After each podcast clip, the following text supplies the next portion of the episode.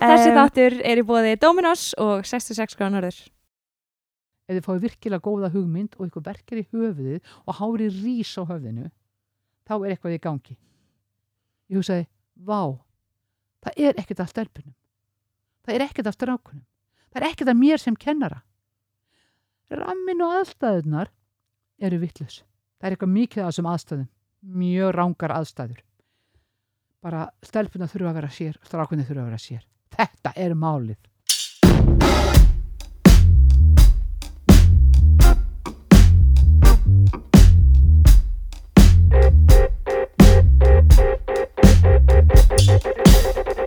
Verið velkomin í þáttinn þegar ég er stór. Ég heiti Valur Magnúsdóttir. Og ég er Vagan Hjálsdóttir. Gestur okkur í dag er Margret Pála Ólafsdóttir, betur þekkt sem Magga Pála, höfundur hjallastefnu. Verður velkomin til okkar. Hjartans þakkir fyrir búðið mína kæru Já, bara við fá þig. hérna, vorum að mynda að hugsa á hann svona, hvað hva ætli, hvernig ætli venjulegu dagur hjá Möggupáli sé? Ú, hann er ekki til. En ekki Það er til. mjög einfalt. En í dag, hvernig, hvernig planið í dag? Ég planið í dag að fara að koma hérna og hitta ykkur, svo á ég fund hérna út af, út af nýjum framkvæmdamálum hjá hjallastefnunni út í Skotlandi á eftir. Svo er ég hérna að fara að hitta tengdasónu minn og svo, já, ég satt út í bíl áðan, það var skrifstofan mín, ég mætti mjög tímanlega, svaraði öllum tölvupósti. Já, ekki eins og skrifstofu, ég hef gjátt skrifstofu til fjölda ára. Núna er skrifstofa mín hér hjá ykkur. Gaman að vinna með ykkur. Venjulega dagur ekki til í lífið mínu.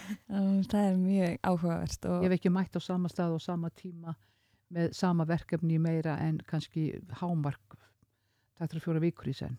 Aldrei, bara síðan, síðan og síðustu öld, ekki síðan og síðustu öld vinkonur. það lítur að skemmtilegt. Það er geggjað, Já. en stundum ansi þreytandi. Já, verður alltaf á flakki. Já. Ferðastu mikið Mjög mikið.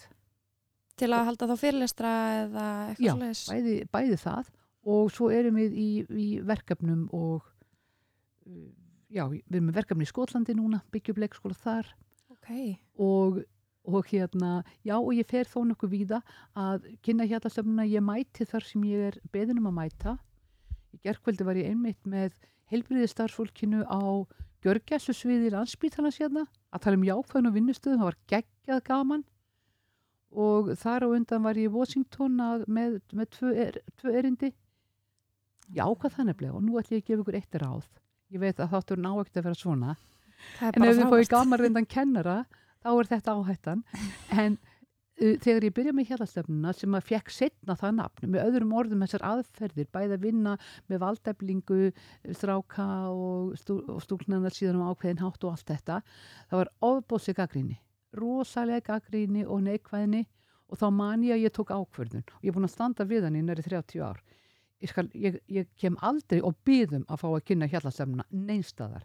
Ég er aldrei að selja okkur. Ég hef aldrei staðið fyrir auglýsingu um hjálpastöfnuna. En ef einhver vil heimsækja okkur eða heyra eitthvað um hjálpastöfnuna í bóði, hver sem það er. Góð ákvörðun. Segja bara já við alltaf við því, Mhm. en ekki að, ekki að þröngu að neinu upp og einn eða neinn. Nákvæmlega. Þetta er líka bara þannig starf að þetta á bara ekki að vera einmitt eitthvað, auglýst eða markasefni og hérna, fólk á bara að geta trúið á hugmyndina á sínum eigin fórsendum. Já, það ekki? svo einfalt. Við byrjum alltaf á hraðaspurningum Ó, áður en við förum í allt um, eftir þetta frábæra ráð þína, til að byrja með Mjög gott, hlakka til að heyra meira. ég vil bara öll ráð bara hérna, bring it on hérna, sko. Mhm. heyrðu ég vil taka þetta Já. tilbúin Ég er tilbúin. Tæma hugan. hvað ertu gömul? Uh, 60 og tvekja, en þegar ég átti 6 árs ammali, þá lendi ég í því daginn fyrir ammali mitt að ég hugsaði, ups, býtu, hvað er, hvaða stór ammali er þetta sem ég er að fara að halda upp á? Það er eitthvað rosalega mikið, býtu, er ég 70? Nei, það getur ekki verið. En sem sagt, 62. Frekar svona, er, er í þrítu? Já, og annar mál, ég hef oft verið miklu eldri enn í dag. já? Ég var að kjarna á, núna í huga mínum, hvað aldur er. Hvenær við erum gömul. Mhm. Fyrir mér er það þegar ég missi vonina um að eitthvað sé spennandi þarna í lífinu fyrir mig. Ertu Þannig að. Þá er ég gömul. Í dag er ég ung. hvað stjórnumerk ertu? Vóg, Uppáhalds tónlistamæður? Ú, Bara það fer bara eftir ymsu. Á ekki bara að segja að Jóhann Bæs af því að ég fjall fyrir henni sem unglingur. Já. Síðasta bók sem þú last? Nú við, ég var að klára Kim Læne hérna um um Grænlands þríleikin. Síðasta land sem þú heimsóttir? Já, það er Skotland. Já, einmitt. Við vissum það. Uppáhalds kaffihús? Mm, Heima hjá mér. Ef þú fengir að vera einhver annar í einn dag, hver væri það? Það mér langar bara að vera ég. Þetta var mjög lélegt svar, ég veit. Nei, en ég er alveg hægt ánað ég, og ef ég er einhver, einhver annar eða einhver önnur þá myndi ég hvort þið er mæta til leiks með kosti og galla eins og venjulega. Þannig er ekki bara best að vera ég. Jú. Hver er áttu þér fyrirmynd? Í raun og veru ekki. Mm. Ég þetta fengið þessa spurningu og ég hef aldrei fundið út frá því. Mm -hmm. Áhrifavaldurinn í lífi mínu, það, bara, það var uh, móðu mín, Mm. ekki spurning. Mm, það eru svo mikið af góðu fólki. En ég er ótrúlega hrifin af kjörkuðu, dugmiklu fólki sem er til í að gera eitthvað til að gera heiminn betri. Algjörlega. Þetta voru, þetta voru góð hraðspurningar, Já. aðeins öðru þessi sniðan áður. Frábær svör. Það var svona lengri sögur sem voru bara, bara miklu skemmtilegra. Mhm. Já. En við byrjum alltaf þáttinu að spyrja hvað vildur verða þegar þú eru stór? Hver er þín fyrsta minning? Já, já.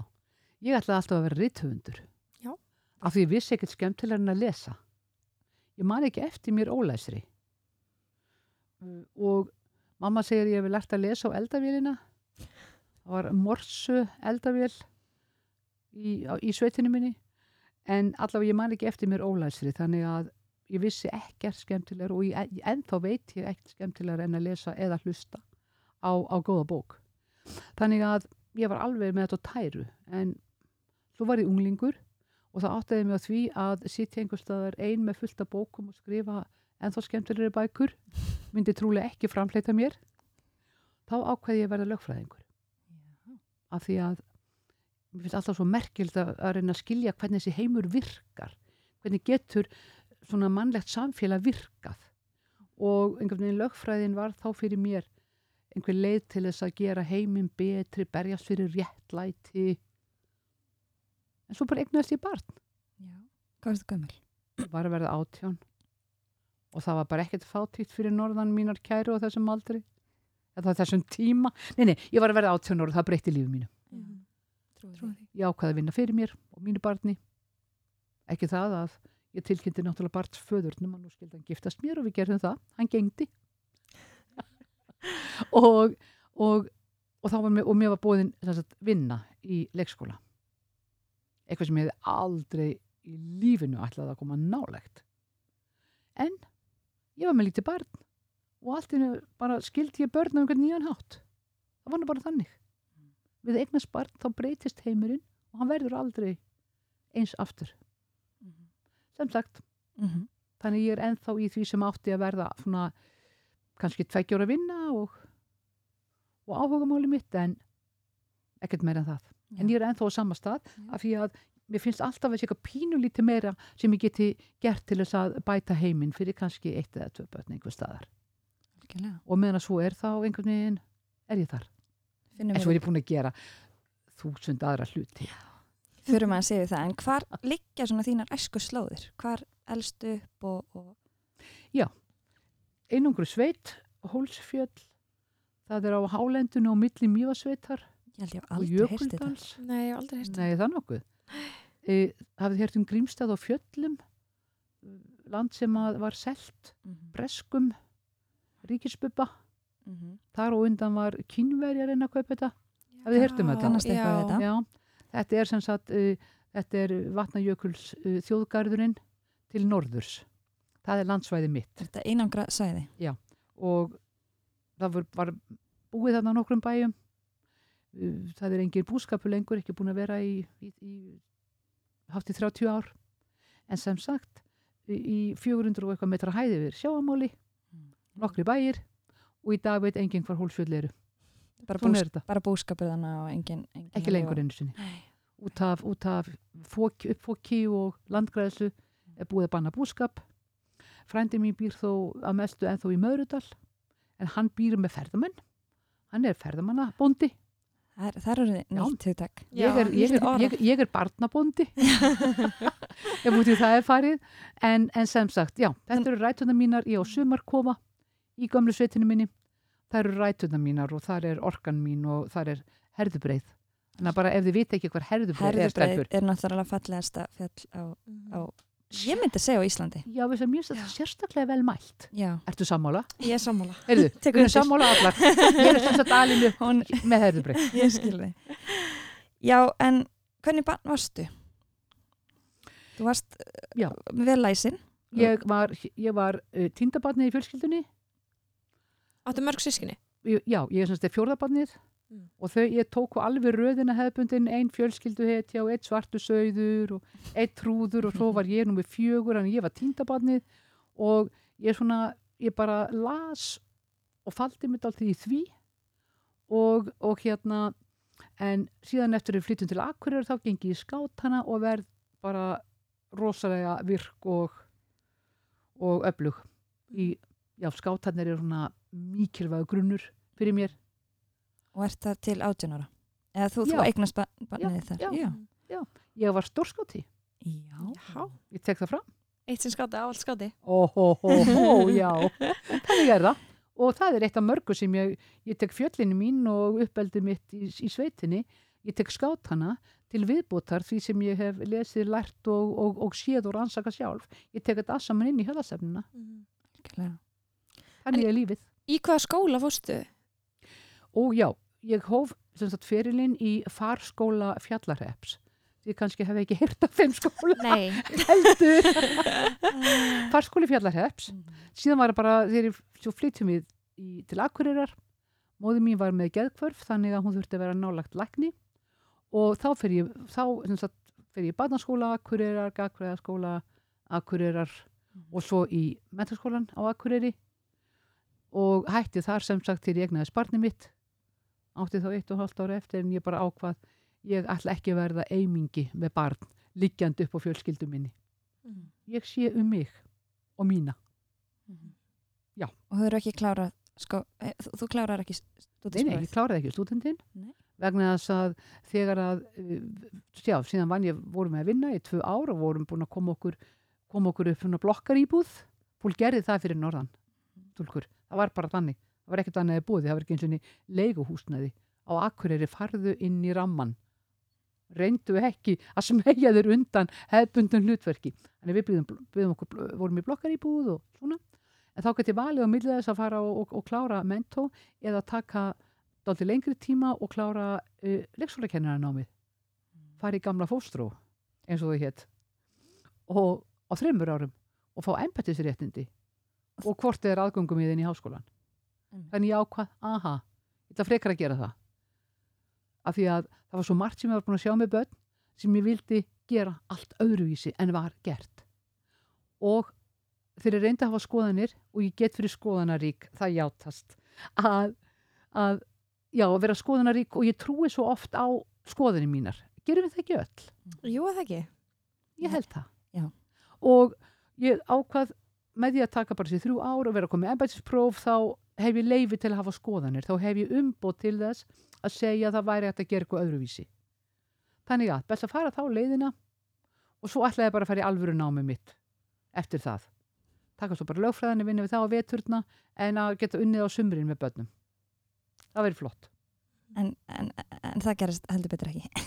Nei, svo, svo, já, svo var ég búin að innrita mig eftir, hérna fyrst uh, var ég búin að innrita mig í, í háskólan og, og hérna, og þá gerðist, þá gerðist það að mér var búið að taka við litlum leikskóla og stýrunum sjálf. Sem heitir... Steinallíð. Fyrir norðan. Nei, Hér. nei, ég fór náttúrulega suður í nám Já, já. og var svo sem ekkert á leiðinni norður aftur Mm. en af því ég var hvort er að fara í, fara í háskólan en ég var búin að starfa sem sagt, í nokkra, nokkra mánuði var, og var búin að innrita mig en þá kom þetta tilbúð upp og ég bara, ú já og þetta var ótrúlega flottur leikskóli, pínulítill leikskóli í stórum garði, risavaksin trjágarður og, og ég hugsaði bara, þarna get ég bara gert allt, þannig get ég búið til leikskóla eins og mér finnst það eigi að vera. Ég verð að klára það fyrst. Þannig ég sagði bara já og vatt mér í það. Og svo þegar það var búið þá kom bara einhvern veginn þá beðið eitthvað annað tækifæri og svo kom annað tækifæri. Algjörlega. en ég hef og svo alltaf þegar ég er orðin dálítið þreytt í vinnunum minni þá hef ég alltaf bara farið eitthvað framhalsnám mjög praktist Endurmentun. Mik sérstaklega mikilvæg líka í þessu starfi. Já, já, ég hef bætt við mig og náttúrulega líka náttúrulega kynjafræði og stjórnun mentastofnana og tók hérna já, tók masterinn minn við í hérna í, í skólastjórnun. Bætti svo við mig uh, masternum eða MBA námi í, í viðskiptastjórnun. En ég byrja gjarnan á að fara að gera eitthvað og svo finnst mér það svo spennandi en svo tek ég námið í kringum það eftir á. Þetta er alltaf merkilegt. Hugsið ykkur það, þið eru ungar, þið eru námi en svo er það að gera eitthvað allt annað hér. En hjá mér hefur þetta alltaf endað þannig að ég fer í námi þegar ég er búin að vera að gera eitthvað og finn já nú þegar ég fá staðfylsting á þessu eða nú þegar ég skoða eitthvað annað betur. Og námi hjá mér er svo loka punkturinn á einhverju ferli og ég er komin í nýtt ferli. Hvað finnst þér þú læra meira af reynslan eða skólinn? ólíka hluti en reynslunámi það er það, það er miklu tímafrekara reynir meira á okkur en formlegt nám er líka alveg ótrúlega skemmtilegt og formlegt nám er að finna allstaðar þið eru núna að búa til formlegt nám fyrir einhvern. Einhver mun hlusta á þetta laðvarp og hugsa, aha, já, nú lærði ég þetta. Nám fyrir mér er sama og að vera þróun bara að vera í þróun í lífinu vera í þróun eins og manneskja og, og eiga von, vitið. Það er bara nám fyrir mér. Mentum áttur. algjörlega og, og, og í mínum huga er þetta allt samþætt og ætti að vera. Við ættum alltaf að vera í þessu flæði á milli formleira skólastofnana og þess að vera að prófa og skapa sjálf og, og svo bara ring eftir ring þetta finnst mér vera lífið. Algjörlega. Mér langar svolítið að spyrja um að því að þú er nær 40 ár sem þú byrjar að vinna í leikskóla. Ég get ímynda mér að aðstæður væru allt öðruvísi þá, varðandi leikskóla og varðandi leikskóla starfið og, og það að vinna í leikskóla, hvaða krakkar voru í leikskóla, allt þetta. Já. Getur þú svona aðeins sagt okkur frá því bara, hvernig það var þegar þú komst þann inn? þegar mér var búið þetta starf þá var, þá var þetta uh, þá var þetta í, þetta var dagheimili og inn á dagheimili komist bara börn einstæðra foreldra eða börn sem voru að koma úr félagsögum erfileikum og og svo mögulega var það að byrja að kennarar og þá sérstaklega leikskólafólk gætt haft sitt bad með sér. En, en annars var ekkert til nema kannski halvur dagur í leikskóla fyrir börn þryggja til fimm ára. Og það var ekki eins og allstöðar það var líka erfitt að komast þar inn. Og þannig bara var þetta. Og það var ótrúlega upplifin fyrir mig að koma inn í þetta umhverfi. Auðvitað ekkert vandamáli að vera barn einstæðra fóreldra en hugsið ykkur það var bara lítið þannig á að ef það væri bara ein fyrirvinnu heim, á heimili, það þurfti bara eina fyrirvinnu þannig ef það var ekki maður þá þurfti þá konan að sjá um þetta. Af því hún var þá væntalega einstæð. Lesbíu voru ekki til á þeim tíma. Það er mjög einfalt. Og, og svo bara börn sem að komu úr einhverju ein, ein, einhverjum félagsögum erfileikum mikil veikindi í fjölskyldinu drikja eitthvað sem að félagsmálastofnu var að blanda sér í. En já og síðan er ég fyrstu árin í, í starfi eftir ég klára menturina mína að þá er ég þeim hópi sem er að berjast fyrir því að það sé í lægi að börn fari í leikskóla allan daginn Það var svona smá fordóma Það fyrir skaði því. ekkert. miklu meira fólk var bara á því konan á að vera heima Mm. bak við eldavélin eins og Guðni sagði Mm. konan á að vera heima og, og, bara, og foreldrar eiga að sjá um börni sín og það voru svo miklu fordómar og ótti um að þetta er þið skadilegt fyrir börn auðvitað sína rannsóknir að það sem er best fyrir börn þau koma best út ef þau eiga mjög gott heimili og mjög góðan leikskóla ef eitthvað er að heimilinu eða ef eitthvað er að leikskólanu þá hefur þetta að tapa þau það er bara þannig en það er ekki, er ekki fyrirkomulagi sem slíkt sem er vandamálið heldur gæðin og í dag finnst mér svo merkilegt að, að líta tilbaka þegar þú spurðir Mm. að þetta skuli hafa verið þannig að, að það hafi verið stór mál að berjast fyrir viðurkenningu á því að, að börn myndi ekki skadast af því að fara í leikskóla. Að berjast fyrir því að það skipti einhverju máli hvernig væri unniðar. Að berjast fyrir því að það að vera með þekkingu, mentun, reynslu á sviði uppeldis, á sviði barna, sálfræði, þroska, sálfræði og svo framvegis að það skipti einhverju máli. Fólk trúði því ekki. Hverju voru að vinna í leikskóla? Uh, þetta var, á þessum tíma var þetta annars vegar, kannski ungar stelpur í einhverju millibils ástandi, ekki búin að ákvæða hvað það er að verða í, í lífinu og eitthvað í þáttina og svo var líka eitthvað um konur sem höfðu að byrjað að vinna, vinna við þetta, höfðu ég að vil byrjað á því sem hétt gæstluvöllur, það þýtti bara að var læstur leikföllur í hverfinu, það sem að krakkar komi með kannski nesti með sér.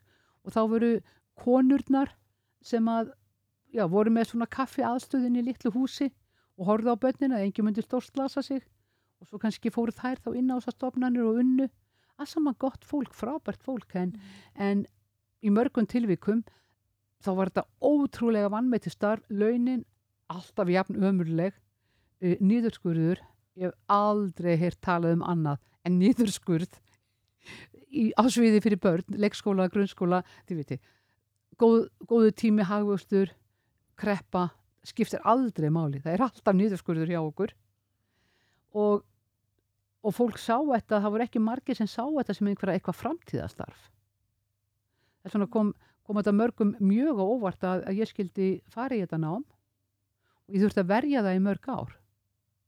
Þetta er svo ótrúlega merkilegt. Já. Æ- Ætli þetta sé samfélagslega tengt, ætli þetta sé eitthvað sem að einmitt bara myndaði strax í byrjun, þetta er svo merkilegt eins og segir að, að fólk horfi ekki á þetta sem framtíðastarfa því Já. þetta er í rauninni eitt Mikilvægasta og, Já. Já. og erfiðasta og ábyrð þessu rosalega mikil ábyrð sem fylgir þessu. Þið hugsið ykkur bara að við erum með börn upp að þryggja ára. Þau eru á mikilvægasta mótunar tíma sem við munum nokkru sinni verða. Upp að þryggja ára heilin þið veit allar tengingarnar þau eru svo mjúk, þau eru svo viðkvæm og þetta er ekki bara þroska stíið þið, þið sjáu bara hárið á þeim með dunnmjúkt og þau eru öll svo óvarin húðin þeirra svo þunn. Þau börn brennast við miklu lagra hitastíð heldur en fullorðnir og þau eru svo nýkomin. Þau eru svo nýkomin í hennan heim. Og við erum að sísla með þau. Hvert einasta handtak, hver einasti svipur hver einasti tótt sem við gefum frá okkur er að móta þetta litla barn til framtíðar. Hugsið ykkur. Stundum þegar ég hugsa um áhrifin og völdin sem þú ert með nálægt litlu barni ég verður svo auðmjúk ég og mér langar stundum að fara bara að skæla svolítið. Hvílíkt hvílík ábyrg sem við höfum tekið að okkur. Síðan þryggja til 5-6 ára þá er næsta þróskastig og þá gerist líka rosalega mikið og því stíð er að ljúka þegar að þau byrja svona, já, þegar að tennurnar tennurnar fara að hrinja úr þeim og, og þau fara að breyta um gerð hugsunar og allt þetta. En, en þessi tvö fyrstu stig móta börn mest af öllu í lífinu. Og vitið það við fimm ára aldurinn eða þennan aldur, 5-6 ára eftir einstaklingum og kyni að þá eru þau búin að móta öll gildin sín í lífinu. Þau eru búin að móta allar hugmyndir um hvað hvað þau telja um aðra hvað þeim finnst um sjálfa sig og, og, og þau eru búin að móta hugmyndir þar um hvað skiptir mestu máli í lífinu og, og hvernig við höfum, höfum okkur og hvernig góðmennsku við sínum þetta er öll gildin. Og þið eru búin að heyra það, þeir eru ungar og búin að fara gegnum skólakerfi þar sem við tala endalust um gildi og allt samfélagi tala um gildi og mikilvægi þess að hafa stefnumiðin og gildin í lífinu. Við erum búin að móta þetta við fimm ára aldurinn Það er ótrúlegt. þannig ég hef unnið með börnum upp í 16 ára en ég enda alltaf á sama stað vegna þess að þarna er, mikil, er mikilvægast að vera Og þessi krakkar verja örgulega mestum tíma virka daga á leikskóla. Þú veist, þau eru í skólanum 8-4, Já. fara að sofa 8, Já. skilur. Já. Þannig að 8-4, svo kannski eru þau já, leiðinni heim í trafikkinni og einmitt. það er engin spurning og, og þetta er áhrifamáttur og þarna er mín barátta við megum ekki svíkja þessi börn við megum ekki svíkja þessi börn og í fjölskyldum þá er nú yfirleitt alla líkur á að fjölskyldan elskar barnið. Jáfnvel þótt að sé erfitt á köplum og allt þetta. Við, við höfum þennan góðvilja þátt í okkur að við, við elskum það sem er í umhverfi okkur og það sem er nálat okkur.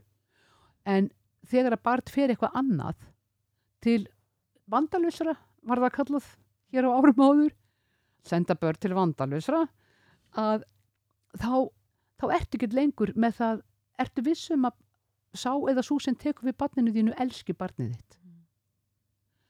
Vegna þess að ef þú elskar barnið þitt, þá eru svo mikla líkur á að þú gerir rétta hluti og hvað, hvers konar fólk viljum við að sé þá að vinna með börnin okkar. En málið er að eftir því sem að börnin eru yngri og starfið er mikilvægara og með miklu meir álægi, þá eru launin lægri, búið upp á minni mentun og minni stuðning og vinnu tímin lengstur. Þú ert komin upp í háskóla og þá ertu komin umtalsvara virðingu, laun og kennir lítinn hluta dagsins. Og þá ertu nú bara eiginlega að að skipta henni máli. Æ, ég segi það ekki. Við, við erum alltaf að læra og mótast og sjálfsmyndun og gildin er auðvitað flæðandi. En vitið það að þessi fyrstu tvö þroskastig uh, Sæjun Kjartans hefur talað mikið um þetta. Ó, fáið þið Sæjunni Kjartans í hlaðvarp. Algjörlega. Sálgreinur og hún hefur talað um árin sem enginu mann og fyrstu þúsund dagana í lífi barns. Það með, hún er að tala um þessa þessi fyrstu þrjú ár. Littla ungan sem var að koma úr egginu. Vá. Getur- En eh, hvað heldur að við getum gerst til þess að fólk fyrstulega sækist meira eftir því að fara í leikskólakennaran og bara til þess að skapa meira virðingu fyrir þessu starfi? Og við getum gert svo margt. En virðing nefnilega fyrir starfinu, virðingin, ég segi fyrir mig, ég hef alltaf upplifað mikla virðingu við mig í starfi. Foreldrar sem, ég, sem að vinna með mér og ég er náttúrulega búin að vera stjórnandi og, og fyrirlesari og eitt og annað, ég er náttúrulega hef náttúrulega alltaf takmarkan tíma sem ég, að, sem ég hef verið að vinna beint daglega með börnum. En ég hef aldrei upplifað annað en mikla virðingu og kærleika frá foreldur sem ég er að vinna með samstarfsfólki mínu og annað slíkt. Þannig að nummer eitt, uh, foreldrar og þið öll sem að elski börn og það sem að við sem elskum börn og höfum atfinnaði, bara láti vita að við tölum miklu meira um börn og það sem er að gerast. Númer tvö, búin til miklu fjölbreyttara nám í kringum börn. Við erum ekki bara með eitthvað, einhverja eina leið, já, nú þarf þetta að taka fimm ára masters, fimm, masterskráðu til að vinna í leikskóla. Við erum að gera það hjálpastefna, við erum að bjóða ungu fólki sem eru þreytt í skóla og eitthvað að koma bara inn og vinna með okkur og svo styðjum við þau og, og borgum fyrir leikskóla nám og, og en þá kemur alltaf þröskuldurinn að þá þurfum að ákveða, ups, á ég var í fimm ára nám og klára masterskráðu. Ef ég hefði þurft að gera það á sínu tíma, ég hefði aldrei farið í þetta nám. Þannig að við þurfum að fá fólk á öngulinn, búin til alls konar uh, nám og einhverja svona kvata, uh, við erum með breytum vinnuntíma, uh, sveitafélag geta breytt launum og svo segi ég konur, foreldrar komið hérna út á akkurinn og búið til ykkar leikskóla, við erum ekki öll inn í kerfinu, búið til alls konar sem skapar annað samfélag, sem breytir samfélaginu, skiljiði mig. Algjörlega. Þetta er bara leikskólarnir með þennan vinnutíma, það sem er erfitt að manna og allt er erfitt. Hjá hjallastefni, við erum með bygglista af fólki sem vil vinna með okkur. Það er bygglisti hjá okkur. Á sama tíma og Reykjavíkuborg getur ekki manna, skiljiði. Við getum gert breytingar en á meðan að 90% af þessu öllu er bara hjá, inn í kerfinu, inn í sveitarfélaginu og það þarf að breyta bara einhverju risavöxtnu öllu í einu, þá gengur þetta ekki. En alls konar nám, alls konar leikskólar, alls konar fólk að blanda sér í það sem er að gerast. Bara fólk eins og þið að tala um leikskóla og tala um uppeldismál, bara komum öll hérna bara út á sviðið Algjörlega. og gerum eitthvað. Þetta er hægt. Það er hægt að breyta heiminum. En það þarf bara að gera eitthvað til þess. Talandi um það. Ó, já. Geta allir. Já. Þú segir að við hefum bara farið út á sviðið. Já. Geta bara allir stopna sína stefnu eins og hjallastefnu. hvernig var það ferli þegar þú ákvast að fá einhverja hugmynd í hausinn já. og að því að sjá hana verða veruleika Bjóst náttúrulega bara til nýtt mentakerfi, þannig séð. eftir að hyggja þá er það rétt hjá ykkur. Og ég stundum hugsa hvort að hvort að já, hvort að ég sé of trúið á, á, á hugmyndina mínar en þess vegna fer ég alltaf reglubundið í nám til þess að staðfesta. En fyrstu hugmyndina vakna við það eitt að koma ekki með neina mentun og uppeldisviði inn í leikskóla og sjá margt sem var gott en að sjá líka bara margt sem ég fannst hræðilegt. Eitthvað sem hefði aldrei verið gert í minni sveit. Sem konur í minni sveit hefði aldrei gert með börnum. Getur þú komið dæmi? eins og til dæmis að þau væru að öll börn væru sendt út í einu og dýrunum jafnvel læst svo enginn kæmist inn. Og svo væri verið að horfa svo væri, svo væri starfsfólk sem væri að spjalla saman og horfa börnin í fjarlægð. Þetta er bara aldrei verið gert í minni sveit eða að allir ætti að klára diskinu sínum. Óháð því hvort þeim líkaði það sem var á diskinum eða, eða ekki. Jú, alltaf pressa á að, á að, hérna, á að klára matinn en, en máli var að heima hjá mér þá var það yfirli stefna móðu mínar við leifum ekki mat. En svo ferðum við inn í leikskóla það sem er yfirli stefna og segir í lögum að byrja virðingu fyrir fjölbreytileika barna. Það var ekkert inn í lögjöfun hjá henni mömmu. Að það var svo sem allt í lægi að ég var látin klára af diskinum en ef að, ef að þú ert með lögjöfum að, sí- sína, að mæta fjölbreytileika hvernig ætlar að gera það? ætlar að gera það með allir færi út í einu? Eh, ætlar að gera það með því að þú segir alltaf hvað þið er að gera? Ætlar að gera það með að þú allir eigi að klára diskinum ætlar að gera það með uh, því að það er havragrautur í, í, í morgumat og ef þú borðar ekki havragraut fæði ekki neitt? Og þetta eru bara einhver smá praktísk mál. Það, ég fór, þarna fór ég strax bara í heilaga mótrúa og hugsaði að það er hægt að gera öðruvísi og svo bara held ég áfram að fá fleiri og fleiri hugmyndir um hvernig væri hægt að gera hlutinu bara allt öðruvísi. Og þess vegna náttúrulega fer ég þetta nám til að fá embættispróf til að geta sagt það er hægt að breyta. Og þess vegna tók ég áskorunni þegar mér bauðst að fá hana að prófa að, leik, að reyka leikskóla sjálf. Þá var ég búin að lesa bara fræðin mín og, og læra ótrúlega mikið mikið um hvernig þetta gat orðið og svo verið líka bara búin að sjá vandræði sem enginn var bara ekkert búið að leysa og þá held ég áfram að finna leiðir bara að prófa og prófa Og hvernig var þið tekið fyrst? Úff, alls ekki vel. Að mörgum mjög illa. Ég man eftir því að einföld atriði eins og þetta börn getur valið hvort þau verið inni eða úti þótti alveg stór alvarlegt mál. Og það að þau bara færi út í hurðargettina til aðtöku hvernig veðri væru til ákveða hvernig þau ætlaði að klæða sig í staðin fyrir að kennarnir væri að tróða þeim öllum jútiföt. Ég man eftir sögum um það bara að öll börn hjá, bara já, já, bara þau fara hana til til, til mögupálu og það bara þau eru út á hlýra, þau eru bara út á nærbólnum það, þau bara fór skalast þau enda með lungnabólga þessi börn hjá henni og, og hérna og svo að vera ekki með leikföng af því ég var bara búin að horfa á það aftur og aftur að börn sem voru með leikföng þau, þau endust ekki það samskiptin urðu oft mjög takmörkuð og og þessi leikföng þau trubluð þessi börn oft svo mikið og kennaran og sérstaklega mig að ég fór að bara henda þeim út. Meiru og meiru. Og loksins þegar eiginlega öll leikföng voru farin var orðið, bara fór eitthvað að gerast þarna. Og það var bara eitt stór áfallið. Já já, hún segir bara leikföng eru bara vond fyrir börn og nei, leikföng eru yfirleitt best heima. En þegar þú eru í leikskóla að vera með opinn efni við vera með eitthvað sem við geta bara skapað og verið í samskiptum, það var eitt sem var galið. En, og svona fleira og fleira. En þegar að ég byrjaði að vera með stelpur vera með stúlknakjarna og drengjakjarna þá loksins gafst fólk endanlega upp á mér Hvaða ár var það? Eh, átt- 1989 Og hver er hugmyndin á bakvið það?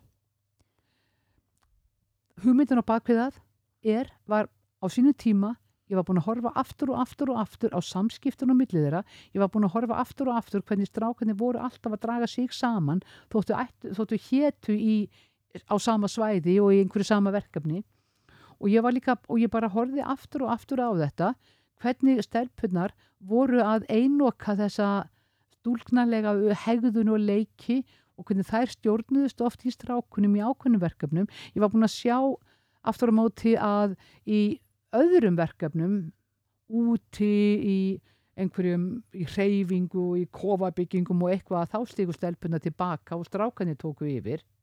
Þeir voru svo flinkir og þær bökkuðu. Ég ætla að segja ykkur bara eina söguð af, af hérna til útskýrta betur að hvernig strákanir bökkuðu. Að einhverju sinni voru fjórir, fjögur börn saman inn í svona hlut, í hlutverkaleik í litlu herbergi og uh, tvær, tvær stúlkur, tveir drengir ég var alveg á þessum stað, auðvitað, við vildum blöndun, við vildum að kyninu var að vinna saman og, og af einhverju ástöðu tekið eftir því að eftir bara fimm mínútur er annar drengurinn komin út fyrir þessu hlutverkaleikja herbergi og hann stendur með einhverja tösku og svona er að vingsenni til og frá og bara stendur kyrr. Hann gerði það venjulega ekki. Allir það hefði ekki vakið eftir þetta mína hann stóð bara actually kyrr og vissi ekkert hvað hann átt að gera. Ég man ennþá svipun á hann og ég fór til hans og sagði elsku vínur, akkur er þetta ekki með í leikunum og hann sagði oh, sko, það er ma ma mamman sagði að ég var í pappinu ég ætti að fara í vinnuna og ég á að vera hérna og hann vissi ekki hvað hann átti að gera. Hann var mikilvægt tösku, hann hefði verið sendur í vinnuna. Og ég fór inn og tekkaði á hvað væri að gerast. Þá var elsta stelpan, hún var mamman hún stýrði öllu. Svo var yngri, yngri stúlka, hún var lilla barnið og það var verið að mata hana. Svo var annar drengur líka tóltið lítill sem hafi verið með þeim. Hann var mjög gladur og hann var ekki sendur í vinnuna. Hann fekk að leika hundin og ég horfði á þetta aftur og aftur hvernig þau voru að einoka hlutverk hvernig þau voru íta hínu, hínu kynni burtu og allt þetta. Ég, var, ég reyf hármitt hvað væri að? Og mér fannst bara eins og ég væri ekki að ná þeim árangri sem ég vildi. Raunverulega vald efla stúlkunar gefa þeim eitthvað meira rými en ég sá þær taka sér. Gefa strákunum meira plás mm. og bara eitt góðan við þetta var bara, fekk ég svona bara, mér verkjaði í höfuðið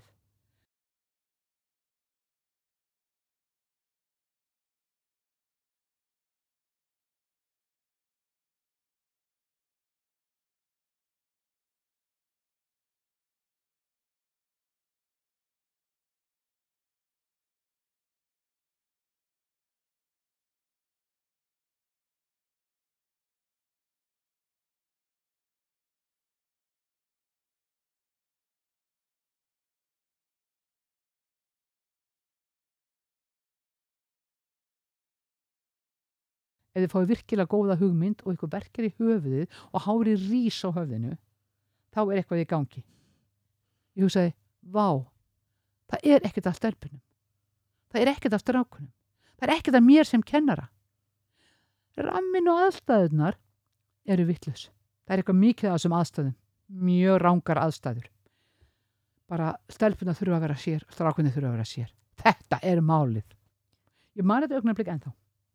Og er það að stelpunum séu sér og strákunum séu sér er þetta í allri kennslu er þetta getur hann svona útskýrt bæði bara fyrir hlustundum og, og svona bara hvernig já. það virkar? Já, já, bara hvernig fólk svona átti sig ekki alveg á já, því? Mm -hmm.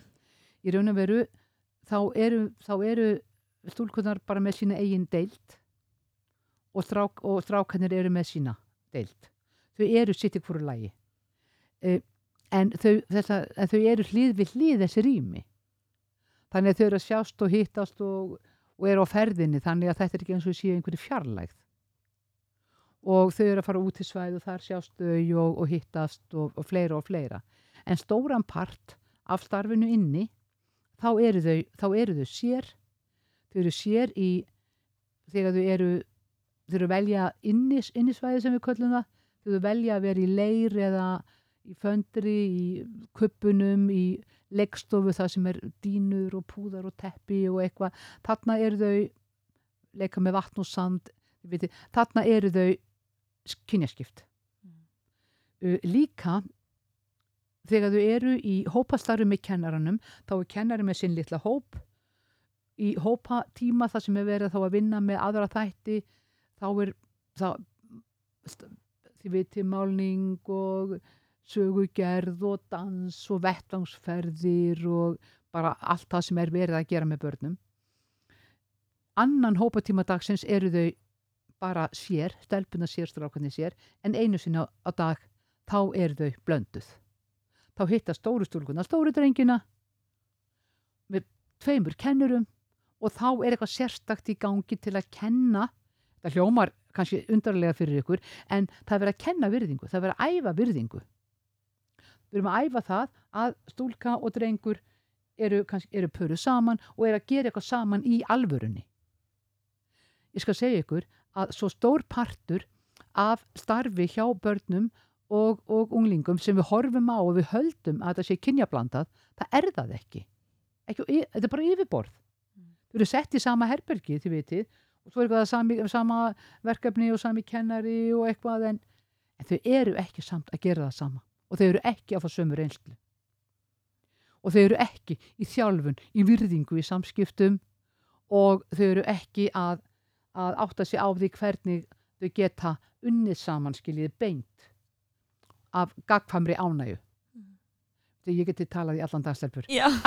En, en sem sagt, en ég verð bara að segja ykkur eitt í viðbútt Bara- að ástæðin fyrir því hvað ég legg mikla áherslu á kynjamálin hjá svona ungum börnum það er að nokkura mánuða barn er byrjað að flokka heiminn í tvent þessi börn fæðast inn í einhverja óreiðu, eitthvað kaos sem þau skilja ekkert í. En svo nema að þau séu bara partur af mömmunni eða þeim sem leikur hlutverk mömmunar en svo farið þau að skilja þetta saman. Og það fyrsta sem þau nota sem áhald til að skilja heiminn er að flokka í tvent þau flokka allt í tvo kassa. Og ef þið haldið þetta sé, séu að flokka eftir aldri ung eða gömul grönn eða bústinn þið vitið eh, dökkt skinn eða trúarbrögð eða hárið á þér, nei. Það er bara eitt sem þau nota. Það er kynferði. Þau flokka börn þau flokka konur og karla, þau flokka þetta allt í tvent, þau eru nokkur að mána það þegar þau eru byrjuð á þessu. Ég veit, það verður enginn geta svarað mér af hverju, en auðvitað sína rannsóknir þau gera þetta og við tvekja ára aldurinn þá eru þau búin að móta hugmyndina hvað þýðir að vera stelpa, hvað þýðir að vera strákur. Og það er mjög oft sem, og það verður, þau, og þau verða svo íhaldsum, hvað er strákalegt og hvernig strákar gera, hvað er stelpulegt og hvað gera stelpur. Þau eru íhaldsamari 5 ára heldur en verða 15 ára. Þess vegna þarf að gera eitthvað þarna. Jæja, nú er ég fann að halda fyrirlestur, ég læti alltaf í þessu. Fyrir gefið þið mér, áfram með smjörið. Þú hefur nú heldur betur haldið nokkra fyrirlestra. Þú varst með TED fyrirlestra lestur eða ekki? Jú, það Hvernig- er búið að vera, ég byrjaði sömari sem ég útskrifaðist úr grunnnáminu mínu, þá byrjaði ég og var fenginn til að vera með námskeið fyrir starfsfólk leikskóla annar stöðar og það hefur, ég myndi segja að það hafi verið helmingurinn af starfinu mínu. Það er að fyrirlesa, kenna, skrifa, tala, Koma hugmyndum á framfæri Já, kom- kom, takk! Hel, að, já, þá er það trúlega já, hel, það er öruglega helmingurinn er ekki meira að selja hugmyndir, koma hugmyndum á framfæri og ef það getur hjálpaði einhverjum dásamlegt. Opna hugan hjá öðrum líka. og svo bara treysti ég því að ég sé ekki beðin um að koma nefnum ég sé með eitthvað sem fólk vil heyra verðum ekki að treysta því Algjörlega. En hvert svona stefnur með hjallastefnuna og, og skóluna? Hvert er þitt markmið? hamingja ef ég og aðri líta svo á að einhver, einhverja leikskólanum okkar grunnskólanum eitthvað því sem við erum að gera við geti gert eitthvað fyrir einhvern þá er ég alveg til í að vera með Mm. Við daginn sem ég sæi að einhver okkar skólum væri þar væri þannig að hver sem er gæti bara verið að gera þetta þá myndi ég vilja að þá hættum við með þann skóla. Það er bara þannig. En svo fremi sem að einhverju óska eftir okkur þá vil ég taka þátt. Þá vil ég að hjallastefna taki þátt með þessar hugmyndir og þess vegna ákvaði ég að prófa að fara og prófa leikskóla erlendis. Við erum í hjallastefnan er í, er í fjölmiðlum um allan heim það svo landsinni talað um hjallastefnuna á íslensku ég þurfti að hugsa um nokkru sinnum í viðtalinu að þýða úr ensku yfir á íslensku og bara í gær var ég með Suður Kóreu, fjölmeila fólk, fyrir háti og eftir háti í Indland. Uh, við, erum, við erum búin að vera á öllum þessum stóru sjónvarsrásum og fjölmiðlum og vesturlöndum út um allt. Nefna þannig að ég hugsaði, vá, fyrst að fólk í útlöndum hefur svona mikinn áhuga og fólk er að skilja hvað við erum að gera sem var kannski erfið að máli hérna heima fyrir 30 árum, að fólk var ekki að tengja við kynjamálin, fólk var ekki að tengja við mikilvægi leikskóla aldursins og fólk þekkti ekki þessi þroska lögmál og, og, og skilningun á þeim tíma þessi jafnréttisráð og, og hérna kollegar mínir og kennara samtökin, ég, ég veit ekki hverjir urðu ekki brjálæður út til mig og viti hvað ég tapaði mörgum vinum sem hafa aldrei komið aftur. Það er önnursaga, það er allt í lagi. En Erlendis, allir þessi fjölmiðlar, fólk er að skilja þetta. Þannig hugsaði, já, já, því ekki eftir að vera að selja hugmyndir, að kynna hugmyndir, því ekki að prófa þá bara að fara og gera eitt leikskóla líka til að eiga eina svona pröfu þar til að geta líka sínt og sagt já þetta er hægt, þið getið prófa líka að taka upp kynjamálin. Ísland er nummer eitt í heiminum þegar kemur að kynjamálum. Uh, Íslenskar konur og ótrúlega margir karlar hafa unnið stórkostlega starf. Ég held að 30 ár þar sem að er líka búið að vera að vinna með kynjaþáttin. Og ég held að öll umræðan sem er búið að vera um kynjamál á Íslandi, í skólum og allstæðar, við erum allstæðar að gera fullt, þetta er búið að hafa áhrif. Þannig að ef að þið kæru skotar eða einhverju aðrir, ef að ykkur langar að bæta stöðuna, ef ykkur langar að fara ofar á listan og svona, þetta er ein hugmynd. og sérðu fyrir þér eins og með kynjaskiptinguna að þetta sé eitthvað sem er kannski meira bara einmitt, að brjóta aðeins gömul mynstur í ákveðin tíma eða hvort þetta sé bara nákvæmlega svo hugmynd sem ætti að virka alltaf Er þetta vatna mig? Ég trúi að núna á okkar tímum og ég hef grunum að okkar tímar endist nokkuð lengi þá skiptir þetta gríðarlega miklu máli á þessum aldri og og við verðum alltaf það er júni, já það er, það er eitthvað sem hverfur ekki frá okkur, það er bara alheimurinn við getum aldrei lítið framhjá því að kynferði er veruleiki. Ég trúi því að það er eitthvað sem skapar ólíkindi millistúlna og drengja. Það er ástæða fyrir því að þau byrja nokkuna mánada gömul áður en þau skilja nokkur hlut af flokkandi tvend. Uh, á fósturstígi er gríðarlegur kynjamunur á heilum, hvern eða stúlna og drengja eða, eða, eða, eða fóstrana mesti kynjamunurinn sem finnst er á fósturstígi. Það er eitthvað þarna sem verðum alltaf, alveg sama hvernig heimurinn þróast, við verðum alltaf að horfa á þetta. Mm. En síðan, eftir að þau vaksa upp og fari voru önnur þroskastig, þá verður þessi breyta floknari.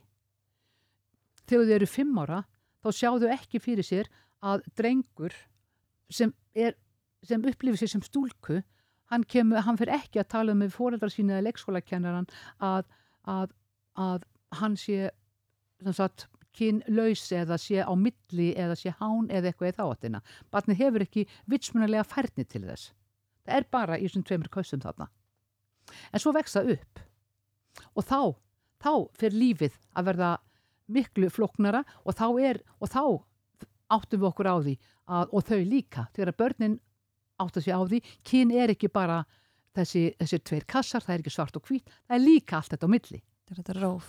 Já, og það er það sem að gerist í kynjaskiptahopnum að inni, inni á drengja deildinni eða drengja kjarnunum okkar allt í einu er ekkert strákalegt eða stelpulegt. Því speillin, hitt kynið er farið. Það er ekkert stelpulegt eða strákalegt og við þjálfum þau í einmitt á rófinu að prófa og við í öllum hlutverkum prófa að vera mjúk og umhyggjusum, prófa að vera sterk og háaðasum, prófa að taka plásið sitt og öll þessi reynsla sem að heilin mun geima til eilíðar, takk fyrir. Og í stelpuhópnum líka, þar er ekkert stelpulegt lengur. Það er ekkert stelpulegt þar að vilja leiða kennaran, vera flinkur að syngja eða velja, sko, velja föndur og, og list. Það er ekkert stelpulegt við það, að þeir sjá ekkert stelpunar að því. Allt er bara allt, eins og það er.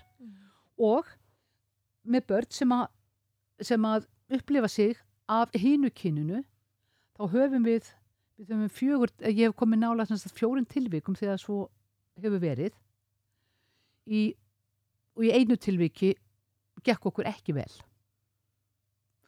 En, en, okkur- en, þegar, en í hinu tilvíkunum hefur okkur gengið mjög vel. Einfaldast að leiðin er þessi að barn velur bara hvorum hópnu viltu tilhera. Eitt mjög gott dæmi að það var, það var barn, við tókum yfir leikskóla og þar var barn sem að var sem sagt, fætt, eh, fætt uh, stúlk, já, fætt stúlka en taldi sér vera dreng og það var bara, bara mjög stert og fóreldarnir bara viðurkendu það og það var bara drengjanafn sem að við komum til valdi í staðinn og fatnaður og svona. Fóreldarnir voru mjög áhyggjufullir þegar við tókum við. Og ég sagði það bara, barnið auðvitað bara prófar báða staðina og velur fyrir sig. Við erum með unisex föt. Við erum ekki með neyn leikfeng sem eru kynjuð eða neitt, þið vitið. Þannig að þetta er allt eins og allir gera það sama. Og þetta dásalega barn var fyrst einn dag á drengjakjarna, enda með drengjanafn og skilgræði þessu sem dreng, tók síðan annan dag á stúlnakjarnanum og hún kvöldi þetta dásanlega barn við fóldra sína. Veist, þetta skiptir enlega engum máli, sko, þetta er alveg eins, en sko það er minni háfaði á stúlnakjarna, þannig ég ætla að vera á stúlnakjarna. Og þessi drengur, Halldór, sem var náttúrulega hétt ekki, var á stúlnakjarna þannig í tvö ár og stúlkunna spurði ekki einu sinni af hverju Haldur væri á stúlnakjarna.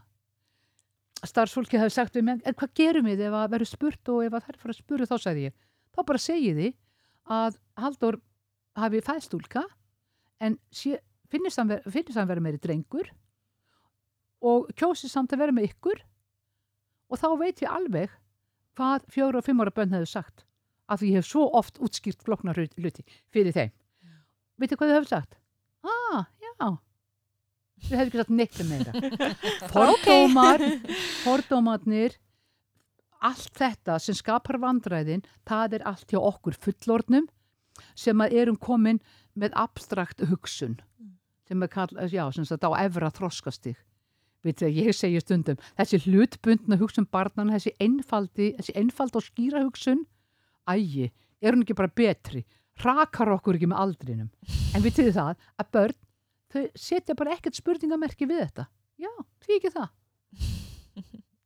Og ef að, ef að kemur starfsmæður af öðrum kynþætti með annan húðulít að vinna hjá okkur, ekkert einasta barn fyrir að hafa áhyggjur af því að spyrja, má, ert hún svartur eða eitthvað? Þau myndu kannski setjast hjá viðkomandi og strjúka höndun og sagða, þú ert með svo fallega húð að þú er öðruvísi. Fordómatnir, átökin, misfréttir, vandamál heimsins, þau byrja aldrei hjá börnum. Þau byrja hjá fullornum. Algjörlega. Mér langar smá að spyrja þig út í eina grein sem að þú gafst út núna í mars eða hefur mikið verið að tala um. Svolítið flott sem hétt hérna, nú þurfa drengir að rýsa upp. Já. Langar þér að tala þess um hana Úff, við já. Ég var svo glöð að vera búið að tala, að, að, já, að, að ræða drengjamálinn þarna. Við erum á svo góðri leið á margan hátt með stúlkunnar okkar og með okkur sjálfar og við erum meira að segja farin að ræða að viti um konur milli 40 og 50 ára sem eru búin að ganga frá sér með ofurkröfum og allt þetta en við erum ekki að tala um drengina. Við erum ekki að tala um það að drenginir okkar eru á öðrum þroskastað þeir komin í grunnskólan þeir á öðrum þroskastað heldur en stúlkunnar af því að við verum líka að horfast í augu við það að ákveðni þroskaþættir gerast á mismundi tímum hjá börnum. Þau munu öll ná sama þroska en gerast á ólíkun tímum alþekkt og staðfestir rannsóknum en þeir eru gjarnan blóraböglar, þeir eru þessir hávaðasum og erfiðu í leikskólanum þeir eru þeir sem eru ekki tilbúinir að sitja kyrrir í, í, hérna, í, í grunnskólanum. Þeir eru ekki eins fljótur að ná, ná lestrinum og eitthvað þá, þetta er mjög margir þeirra, af því að þeir get ekki setið í svona lengi, þeir þurfa að reyfa sig meira, þeir fá óþól, líkamlegt óþól. Þeir heyra alltaf að stelpunir eru svo duglegur og duglegur og duglegar. Þeir eru, jú, jú, alveg mikil svirði en það er ekkert verið að rósa þeim mikið fyrir námsárangur og hvað er tekni fínt og allt þetta. Og, og það eru drengir sem að glata síðan áhuganum í lok grunnskólans. Svo margir drengir búin að missa algjörlega húmórin fyrir öllu sem er að gerast. Margir þeir í framharskólanum þeir verja ári eftir ár eftir ár við að sapna nokkru meiningum dauðansleiðir og vannvirkjur og sitjandi í tölvum. Og svo eru karlar papparnir þeirra eða stjúpapparnir eða frændunir eða hvað það er, þeir eru ennþá að vinna yfir sig, þeir eru ennþá með allt og langa vinnudaga. Og karlar eru ennþá að keira á einhvern vegg í einhverju vinnu og að skaffa peninga af því karlmaðurinn er dæmdur eftir því hvernig hús skaffar hann fjölskyldinni, hvernig bíl keirir, eða, hvaða, eða fyrir ekki bílar eru í fjölskyldinni, á hvaða bíl hann lætur konuna sína vera er, segja þeir í vinahópnum á, hvern, á hvernig bíl ætlar að láta konunni þeirra vera? Skilji, þeir eru dæmdir eftir þessu konan er dæmd eftir útliti sínu og útliti og, og helsu og svona klæðnaði allra fjölskyldunar. Og þessi karlar eftir að hafa verið droppa át í skólum já, við skulum líka bara þeir sem að lifa þetta af, við skulum ekki vann með þetta sjálfsví ungra manna. Og þeir eru aldrei með sem er valkosti og við í lífinu. Einhver færtugur smiður og ver, með verktaka fyrirtæki sem er búin að skaffa vel fyrir sína fjölskyldu árum saman, hann segir ekkert allt inn við konuna sína, heyrðu ölskan mér langar svo ótrúlega að fara hérna í, bara í heimsbyggina ég var að hugsa um að fara kannski bara í 25% vinnu. Sem að reyka verktaka fyrirtæki 25% vinnu. Og nei, þá var hann bara hægt alveg. Og haldaði myndi bara að fá hugmyndina eða heyrðelskan, já. Hérna, bara ég bara, pípulagningarnar mér finnst þetta að vera orðið svolítið þreytandi. Heldur ekki ætti bara að fara í 80% væri þú ekki til ég bara að vinna svolítið meira? Hvað kallar maður myndi að gera þetta? við tviðstelpur, það eru svo margir drengir unglingar, strákar og svo bara karlmenn sem eru í miklum háskæðisu samfélagi. En við erum ekki að tala um það og þeir eru heldur ekki að rýsa upp og segja sínar sögur og drengirnir og unglingarnir og karlarnir sem hafa verið misnótaði kynferðislega þeir, þeir þóra ekki að tala um það. Við konur, við vitum að meir hluti hvenna hefur lendi í kynferðislega ofbeldi.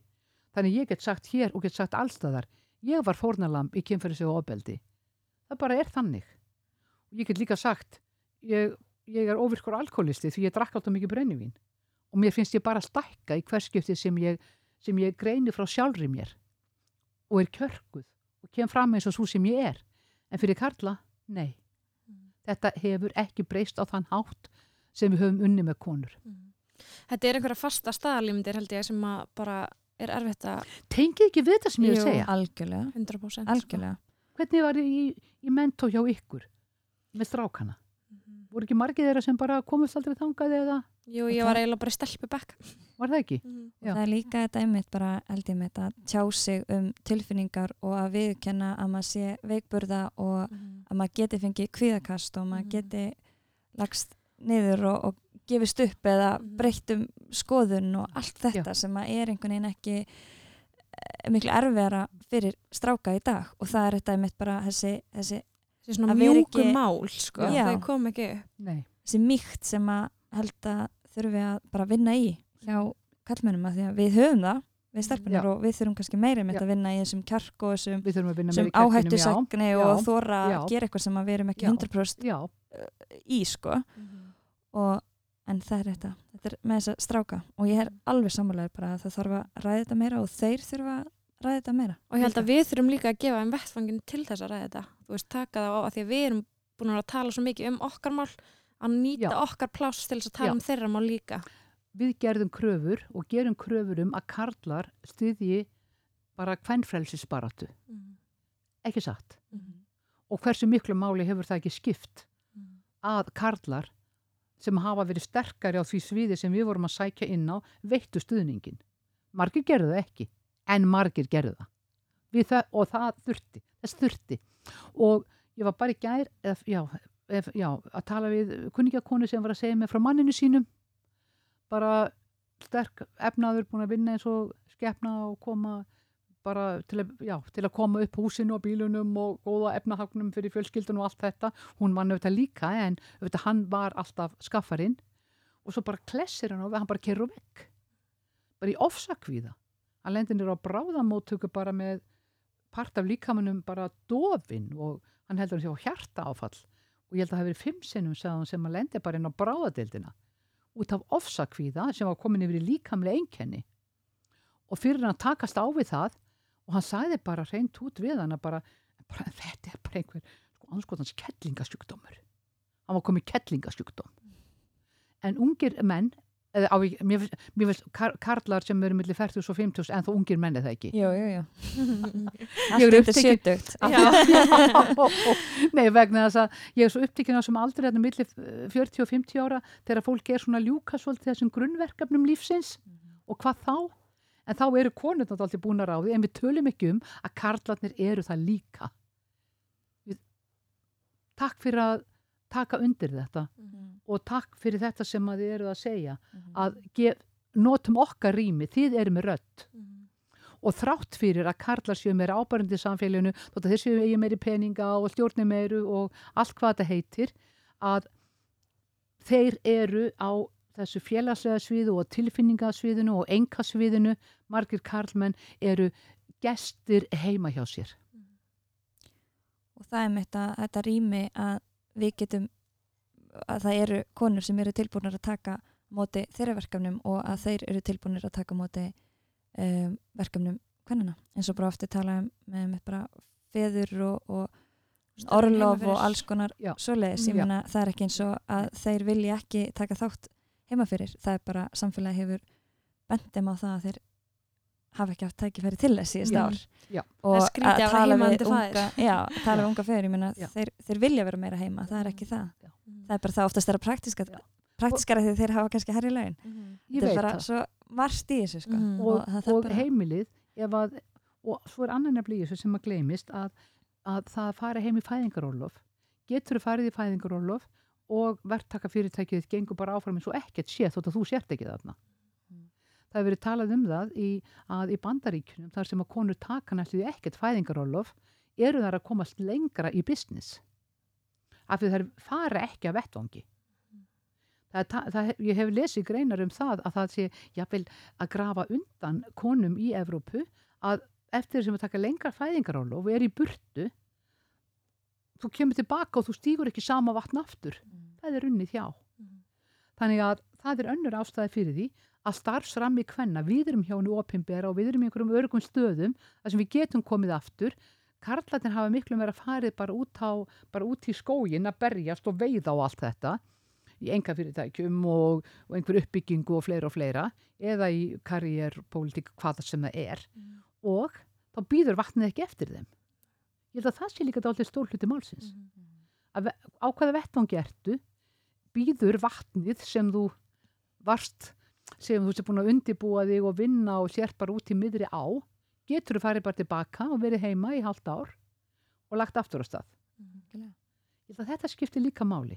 Æ, ég fyrirgefið því, nú er ég bara að hugsa upphátt. Þetta er bara var- mjög skemmtilega pælingar. Við erum alveg að verða búnar hérna en við viljum endilega fá fleiri ráð. Eitthvað? fyrir frumkvöla Mhm. og þá sem hafa áhuga að vinna með börnum. Þú ert frumkvöld og þú vinnur með börnum. Mhm. já. Leiðirnar eru ótal margar. Sem frumkvöðul hef ég alltaf spurt mig hvað þurfa börn? Eða hvað þarf heimurinn sem ég gæti gert eitthvað í? Og, og í mínu tilviki það leikskólamálin grunnskólamálin það bara er mitt stóra skref ég myndi gjarna þykja dálítið af frumkvölum sem myndi bjóða upp á þessi, þessa yngri barna mentun, þetta þarf ekki alltaf að vera bara einhver leikskóli innan gæsalappa, en að- að fleiri myndu koma með óvenjulega hluti og bjóða upp á nýja og, og spennandi hluti á þessu sviði. Akkur er enginn að byggja upp eitthvað, eitthvað svona spennandi barnasapn, það sem börn geta komið, foreldrar bara setja á góðu kaffihúsi og það er bara fullt að gerast já, á einhverju krakkasapni þar sem þau geta verið að leika og prófa og gera þetta og hitt, ekki bara eitt lítið þreytt krakkahornum með kuppum heldur, heldur bara staður sem snýst um að börn geti fengið ríka upplifun og gert eitthvað nýtt og, og foreldrar bara fengið sér kaffi, hitt aðra, rölt á milli, svindkrökkum, fagfólk á leiðinni. Ég myndi gerna þykja leikskóla sem væru með allt öðru sniði heldur en við þekkjum í dag. Það er ekki allir leikskólar að vera hellastamnu leikskólar. Við höfum að hafa fjölbreytni, miklu, miklu fleiri og konur og og fagfólk á uppeldisviði og stýgir fram og skapi sjálf eitthvað sem getur verið nýtt og öðruvísi. Ég get nefnd fullt af hugmyndum.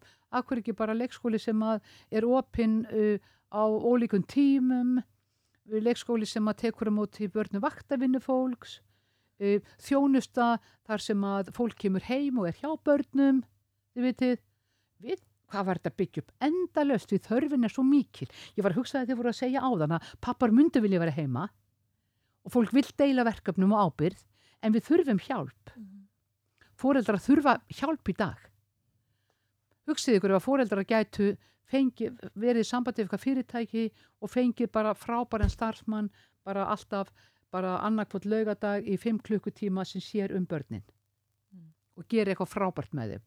Og fóreldrarnir fara og rækta sambandi sitt í staðan fyrir enda með að skilja að lókum það er ekki geggjað? Ge getur séð fyrir einhver myndi nýta það? Við erum að bjóða þjónust á svo mörgum sviðum. En þegar það kemur að börnum þá er það bara þetta. Eða þá að fara með þau í kringluna í Boltaland sem er líka alveg fínt. Við erum ekki að gaflina það en það er ekki sniðið út frá hugmyndafræði fyrir börn og velferð barnafjölskyldna. Ráð, frumkvöðlar komiði og og skapið, þörfin er þarna. Mm. Ég geti einmitt séð fyrir mig hvað væri gott. Ég valdi að fengja þessu hugmynd fyrir en hún er góð. Að bjóða upp á þjónustu svona helgar þjónustu þar sem að fólk kemur og það sama fólki og það er uppeldisráðgjöf sem er í kringum þetta og að saman og bara er, heldur að halda séu fórildrar einhvers að sem geti hugsað sér að annarkvotn lögadag mm. kemur kemur fagadilar sem að þekkja börnið þeir og elska þau og fari með þau í eitthvað ákveð og skemmtilegt og spennandi og foreldrarnir eru saman í að skapa heimilið eða bara fara út að róa og kajak að hvað sem fólk gerir í frístundum. Mm. Algjörlega, 100% einhvern veginn nýta, nýta þetta. Sem bara fólk er komið vitt til okkar eða viljið fá nýjar hugmyndir. Já, já, já Einhver að pikka þetta upp og, og fara að gera eitthvað? Já, trúum á okkur sjálf. Lokkar á þig, trúða á þig trúða hugmyndina þínar. Mm. Aðlókum þá spyrfum við aftur hvað viltu verða þegar þú eru stór? Ég er ekki enþá búin að finna út úr því. En að vera hamingjusum halda áfram að vinna að vera hamingjusum en ég hef ekki hugmyndum hvað ég verð þegar ég verð stór. Í versta falli, ef við vitum ekki hvað við ætlum að verða þegar við erum stór þá er þetta að líta í speilin og segja um, hvað er búin að gera í dag? Já, það er þetta sem ég vil í dag. En gaman. Það geta einu. Í dag er ég hlaðvarpsgestur það er mjög gaman Gott að heyra, takk fyrir spjalli Takk fyrir spjalli, ég verði til að vera inn í 30 mjög Já, ég líka. En við segjum lokið þessu, það verður bara Magapóla vol 2 Já. Þetta bara gangi ykkur vel og hald, haldið í kjarkin ykkar haldið í trúna á ykkur sjálfar og ég veit að þau eru báðar í kræfjandi námi en muniði að skapa. Fá nýjar hugmyndir og skapa. Mm, Takk fyrir. Bestavöll Takk, takk fyrir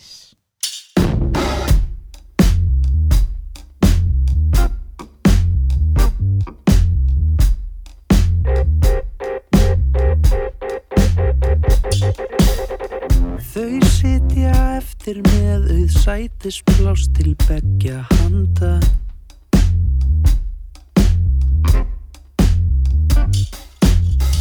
Dreipandi sitt á hvað á drikkjunum sem eftir standa.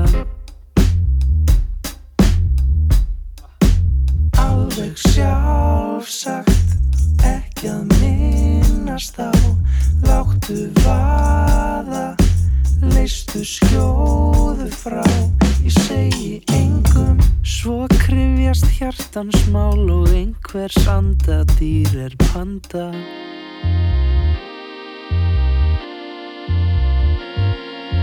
Trún og trún á kynnu kinn þú og ég og einhver vinnu þinn. Trún og treyna trún og við halda nóttum raum og stórðum við halda Trún og trún á kynnu kinn þú og ég og einhver reynir þinn Trún og dreina, trún og við halda. Nóttinn laum og stóðum við haldra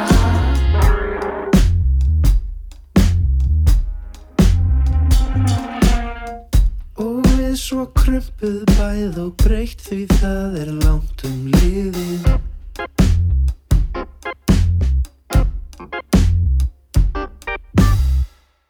Og hundra ára hafa okkar daga drifið.